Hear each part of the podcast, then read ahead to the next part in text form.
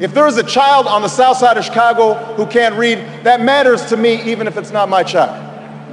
If there's a senior citizen somewhere who can't pay for their prescription drugs and having to choose between medicine and the rent, that makes my life poorer, even if it's not my grandparent. It is that fundamental belief I am my brother's keeper. I am my sister's keeper that makes this country work.